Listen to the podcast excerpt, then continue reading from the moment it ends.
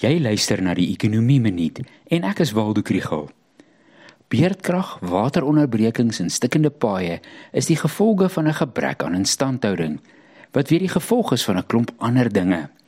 Om dit reg te maak gaan geld kos, maar om te kan begin, moet ons eers die skuldprobleem oplos. Die tesourier het 'n plan, maar wat is die kans dat dit kan werk? Hierdie episode word ondersteun deur Predictive Insights en die NWI Sakeskool. Na raming skuld munisipaliteite 57 miljard rand aan Eskom en 16,7 miljard aan die waterrade. Finansiële wanbestuur het 2/3 van munisipaliteite in finansiële moeilikheid.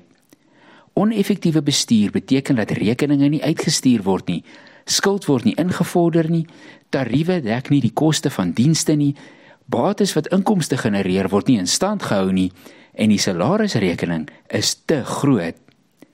Vir elektrisiteit en water is die plan om streng maatreëls in te stel.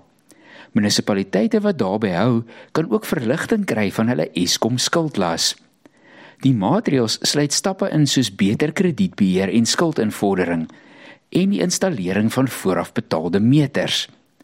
Munisipaliteite wat nie hulle samewerking gee nie, se rekeninge kan gevries word en die tesourier kan oorbetalings vanaf die nasionale begroting terughou. Dit is alles goeie stappe, maar die sukses daarvan gaan afhang van politieke wil. As 'n geheel is die plaaslike owerheidssektor sogenaamd too big to fail.